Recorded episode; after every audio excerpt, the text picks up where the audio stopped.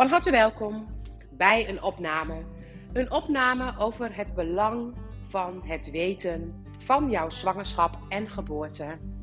Omdat dat zo ongelooflijk veel invloed heeft op jouw zijn in jouw leven. Afgelopen vrijdag mocht ik jouw goud en systemisch opstellen weer doen.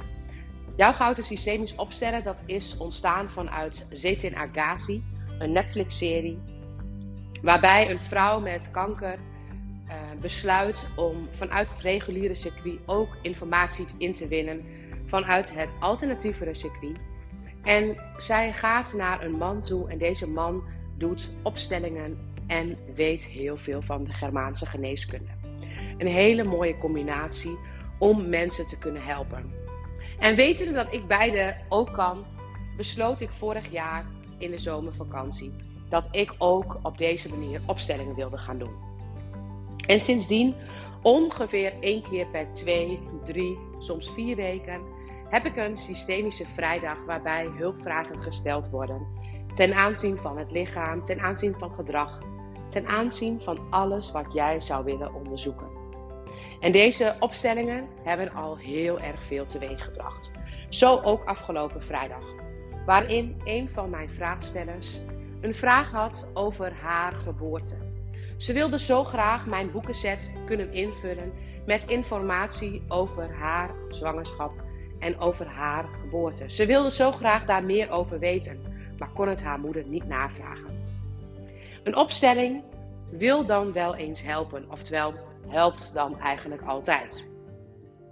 Natuurlijk kunnen we niet sturen dat ze opeens in een bevalling terecht zal komen en dat wij tot in de details de dingen weten.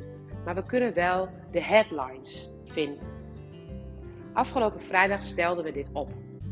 We stelden het middelpunt op.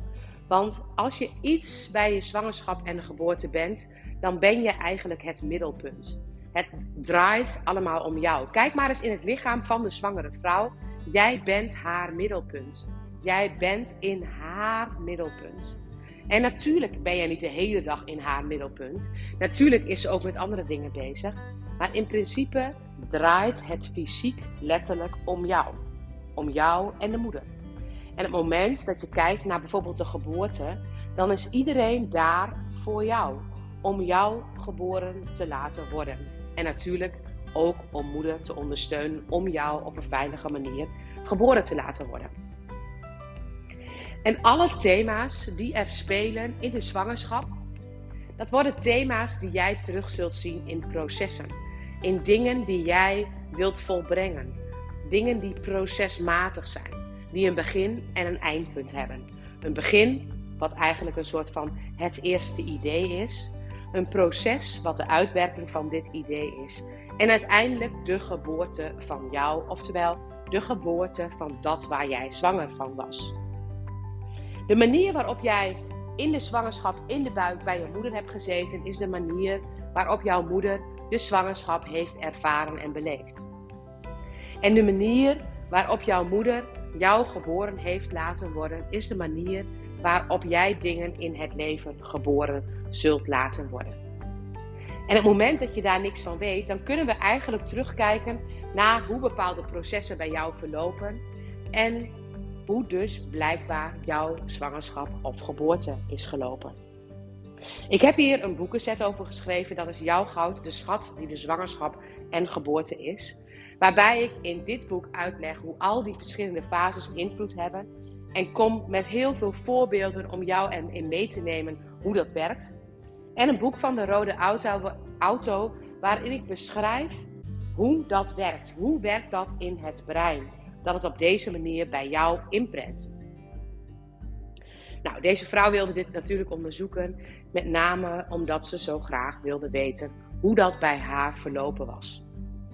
Ze was het kindje na een jongetje die voldragen op een normale, normale wijze geboren is, maar die het niet helemaal goed deed volgens moeder. De dokter had geen zorgen. En toch had moeder geen goed gevoel. En bij 17 dagen is dit jongetje inderdaad overleden. Het was te laat. En deze situatie Wat hakte het erin? Wat was het een situatie waarbij wie is hier de schuldige van? Het kindje is zomaar weg. Ze had al signalen gegeven. Waarom had de dokter niet geluisterd? Waarom was ze niet serieus genomen? En wie is dan degene ja, bij wie je het neer kunt leggen? Want je wilt het zo graag ergens neer kunt leggen. Moet je het dan bij jezelf neerleggen? En het is een gekibbel waar je geen antwoord op krijgt. Een gekibbel waaronder heel veel verdriet zit. Verdriet die je eigenlijk met niemand kunt delen. Verdriet die zelfs jij en je partner een klein beetje uit elkaar drijven. Dit jongetje, hij was ook in de opstelling. En het was oké. Het was eigenlijk allemaal oké.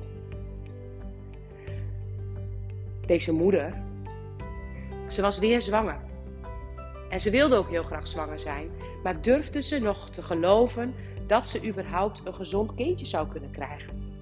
Durfde ze te vertrouwen dat het allemaal goed kwam?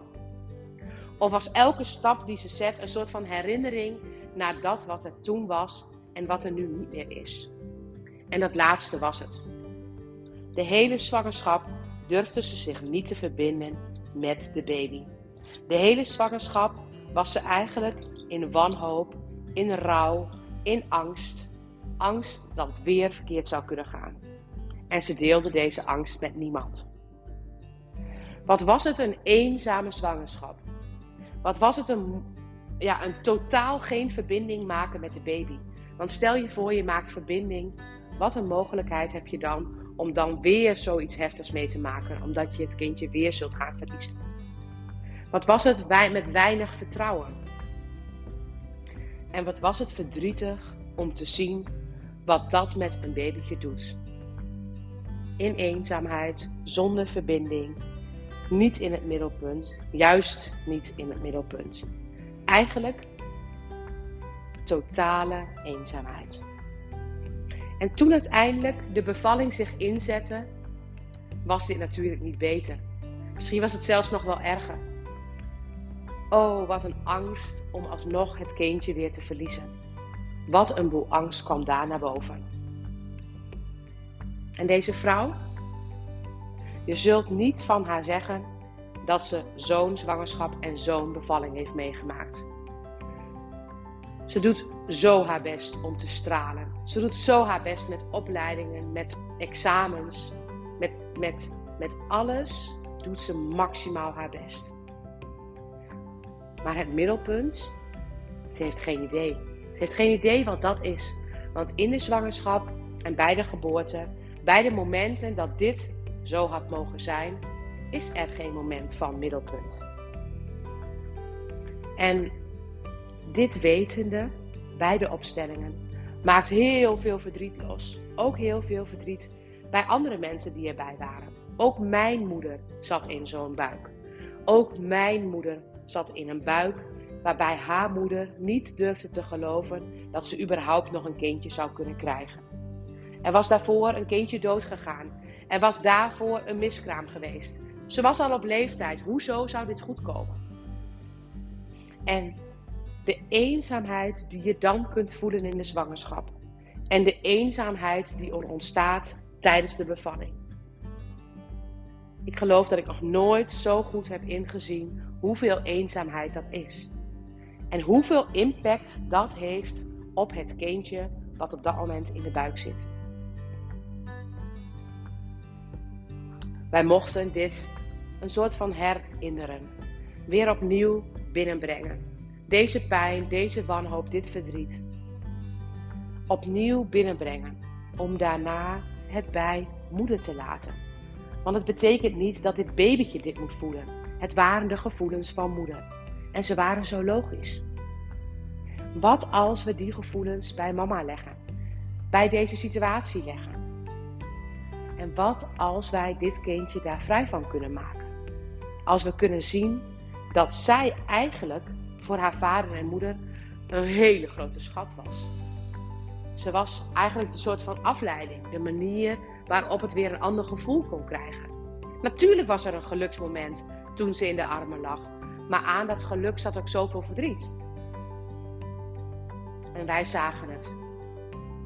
Wij herinnerden ons dat. En het mooie is dat het bij iedereen die er was iets los heeft gemaakt.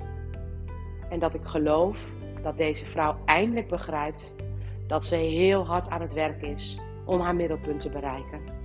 Maar dat ze eigenlijk alleen maar de last hoeft te laten om het middelpunt te zijn. Dankjewel voor het luisteren.